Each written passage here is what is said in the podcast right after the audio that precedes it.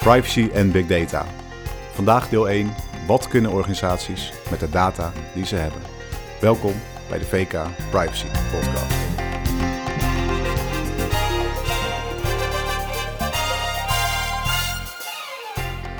Ja, privacy en uh, big data is een, is een hot topic. je leest er veel over. En daarom gaan we er hier een, een podcast uh, tweeluik over, over maken. en in deel 1, deze uitzending, zal meer gaan over over introductie van big data. Wat kunnen organisaties met data die ze hebben? En uh, in deel 2 van, deze, van het tweeluik gaan we meer in op de specifieke privacy aspecten. Uh, maar vandaag dus uh, de introductie op, over big data. En bij mij in de studio Christian Vragen, senior consultant bij Verdon Klooster Associates. En hij adviseert bedrijven hoe ze meer waarde uit hun data kunnen halen. welkom Christian in deze uitzending. Dankjewel. Ja, um, toch eerst even de definitie. Hè. Big data. Um, wanneer hebben we nou over big data? Nou, big data is een term die vaak te pas en te oppas wordt gebruikt. Maar het gaat eigenlijk bij big data over grote hoeveelheden data. Die voor jezelf kunnen zijn, interne data, die extern kunnen zijn. Die je haalt bijvoorbeeld bij partners eh, via koppelingen of data die je van het web haalt, open data. En die enorme verzameling van data, dat noemen we vaak big data. Ja, dus, dus big data is, is dan ook persoonsgegevens, maar het, het, is meer dan persoonsgegevens. Absoluut, absoluut. Persoonsgegevens kan een onderdeel zijn van, uh, van big data. Uh, en tegelijkertijd is big data misschien ook niet de goede term voor organisaties, omdat er maar weinig organisaties zijn die daadwerkelijk big data gebruiken. Uh, maar zeker persoonsgegevens zijn een, een belangrijk onderdeel van, van data bij organisaties. Ja, en welke, welke trends zie jij nu bij de organisaties als het gaat om big data? Nou, je ziet dat organisaties steeds meer ambities hebben op het gebied van nou, wat ze vaak datagedreven werken noemen of informatiegestuurd werken. Uh, dat is een grote gezamenlijke ambities, grote gezamenlijke ambitie die de organisaties hebben. Mm -hmm. um, waarbij er heel veel wordt geïnvesteerd nu in bijvoorbeeld data science applicaties, in een datalab omgeving, om te experimenteren met data. Wat kunnen we daarmee? Om te komen tot voorspellende modellen. Tegelijkertijd zie je ook dat organisaties tegen vraagstukken aanlopen die soms breder zijn dan alleen maar de techniek. Vraagstukken als wat betekent dit nou voor onze organisatie? Wat betekent dit voor onze mensen? Wat betekent dit voor principes als uh, security of privacy, wat een mm. belangrijk onderdeel is? En zeker ten aanzien van privacy zie ik dat veel organisaties nog redelijk terughoudend zijn. De ambities zijn er wel, maar tegelijkertijd zijn ook veel organisaties redelijk bang om met data, laat staan met big mhm. data, aan de slag te gaan Juist vanwege privacy en die AVG die natuurlijk nog, nog naspeelt. Ja, dus ze zijn bang voor de risico's van uh, uh, datalekken of, uh, of, of, niet, of niet voldoen aan, aan de GDPR. Dat zijn dan... Ja, absoluut. absoluut. Dat is zeker iets wat je vaak hoort, zeker op, op bestuurlijk niveau. Um, wat we daarnaast ook nog zien, is dat er ook nog gewoon veel onduidelijkheid is over het gebruik van, van data. Wat mag ik er nou mee? Big data impliceert dat je daar hele gave dingen mee kunt doen op mhm. het gebied van voorspelling, voorspellingen, uh, profiling. Uh, en tegelijkertijd roept het ook de vraag op, ja, dat, dat kan misschien wel. En technisch is het ook allemaal best te realiseren. Maar ja, mag het nou eigenlijk ook nog wel? Ja. Uh, en wat is de, uiteindelijk ook de maatschappelijke perceptie van wat we aan het doen zijn? Willen we het wel?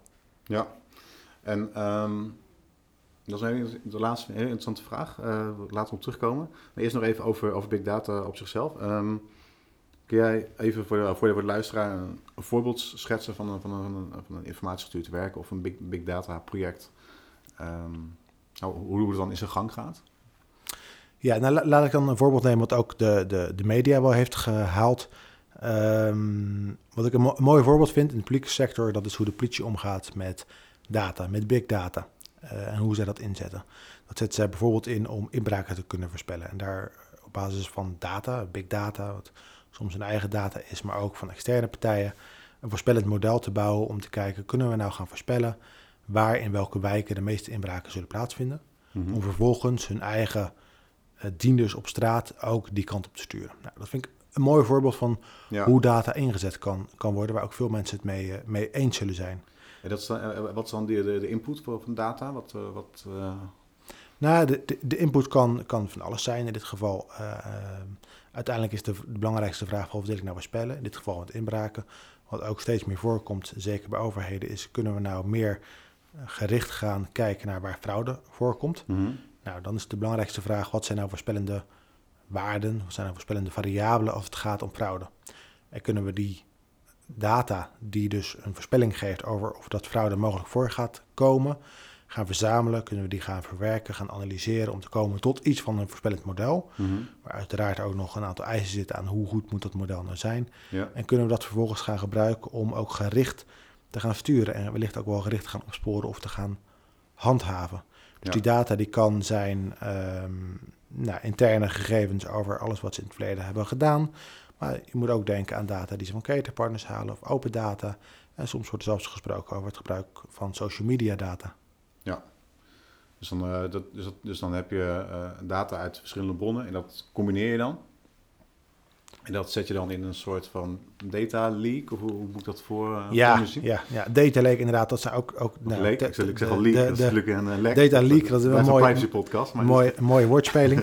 Ehm, ja, wat je, wat je in feite doet, en dat is even het stukje techniek wat aan de grondslag ligt, is die data die verzamel je. Nou, die data die, die stop je inderdaad in, nou, laten we zeggen, totdat het een, een data lake is. Mhm. Uiteindelijk een analyseomgeving.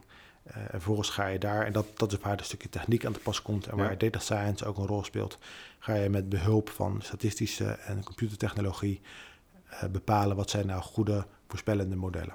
Ja. Eh, dat is uiteindelijk zeg maar, waar het gaat als je het hebt over het kunnen vooruitkijken en het kunnen, het kunnen voorspellen. Nou, daar wordt dus allerlei data in gebruikt. Eh, uiteindelijk om hypotheses te kunnen onderbouwen. Stel dat je een hypothese hebt, hè, ik wil gaan voorspellen eh, welke personen of welke organisaties eh, mogelijk fraudeleus zijn. Mhm. Ik heb een hypothese totdat toch met name personen zijn met een schoenmaat eh, 43. Mhm. Nou, dan moet ik daar die data gaan, voor gaan verzamelen om die hypothese te kunnen, te kunnen ondersteunen. Ja. En pas nadat ik het gedaan heb, kan ik bepalen of dat het ook daadwerkelijk een, een relatie, een correlatie met elkaar, eh, met elkaar heeft. Ja, precies.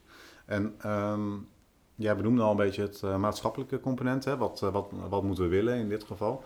Je zit natuurlijk wel een bepaalde ehm, algoritmes achter of, of, of een model achter. En daar zit natuurlijk ook weer een, waarschijnlijk ook een soort van mening achter.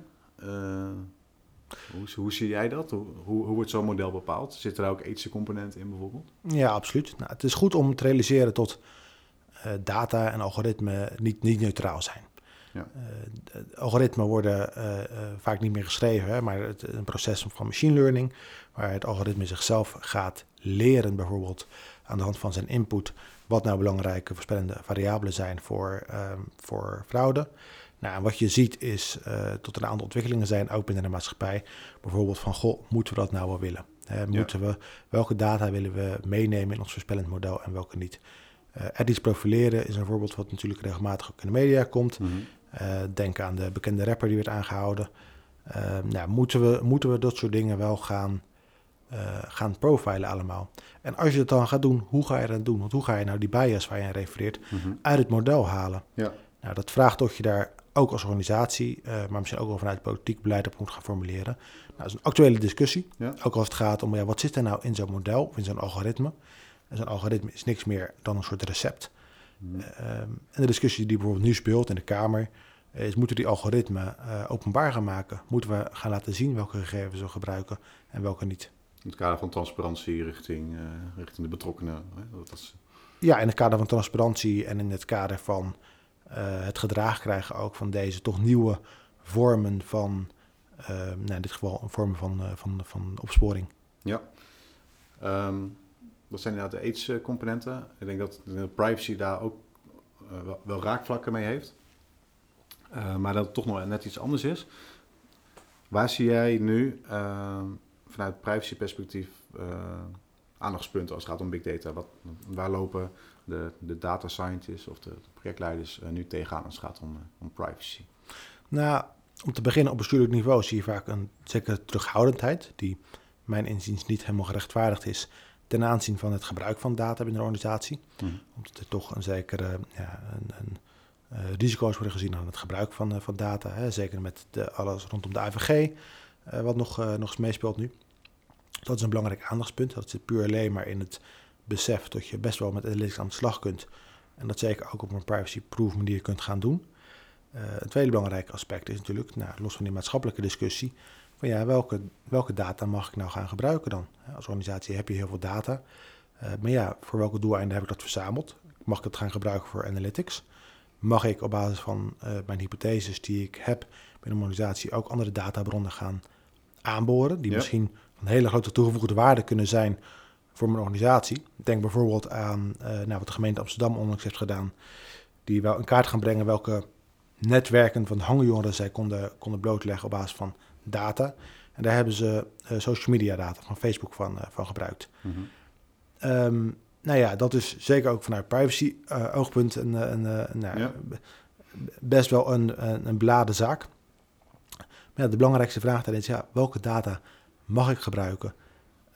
en wat, wat mag ik daar uiteindelijk nou ook mee doen? Ja, ja.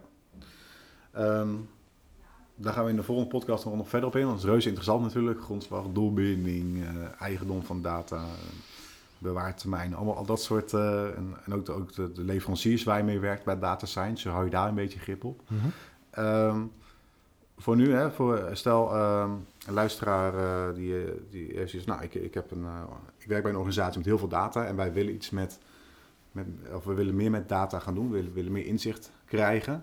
Um, wat zou jij adviseren? Wat, wat, wat, is een goede aanpak om daar te komen? Nou, de, de, eerste belangrijke vraag die je zelf moet stellen, want die ambitie, zoals ik net zei, die wordt door veel organisaties gedragen, mm -hmm. is bepaal nou als wat betekent het nou voor, voor mijn organisatie? Wat heb ik ervoor nodig om dat uiteindelijk ook te bereiken? Ga er vooral mee aan de slag, ja. maar ga dat niet megalomaan doen door direct een soort datalab-omgeving in te richten en door een aantal hele dure data scientists in te huren. Maar bedenk eerst goed van welke inzichten zou ik nou graag boven tafel willen krijgen. Mm -hmm. Welke data heb ik daarvoor nodig? Betrek in dat verhaal direct ook de privacy officer binnen de organisatie.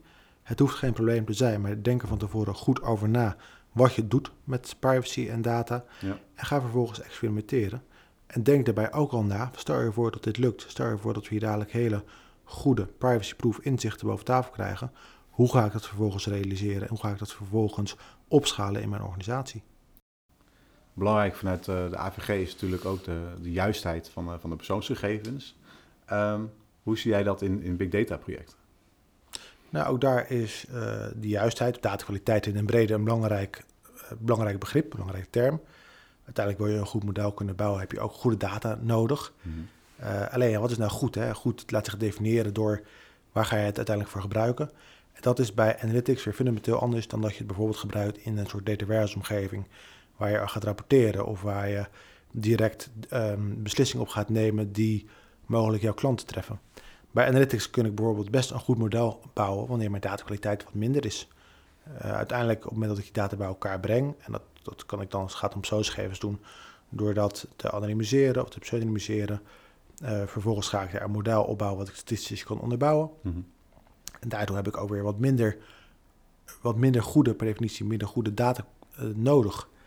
Um, maar ja, wat, de vraag blijft altijd, ja, wat zegt nou, en dat is ook weer een vraag die veel terugkomt bij onze opdrachtgevers, wat zegt de AVG of beter, wat zegt privacy daar nou over? Ja, nou dat is een mooie uh, aankondiging voor, voor de volgende aflevering. Dan gaan we echt specifieker in op de, op de, op de AVG en, uh, en big data, dus de, issues als het gaat om doelbinding, grondslag, maar ook kwaliteit van data, anonymiseren, pseudonymiseren.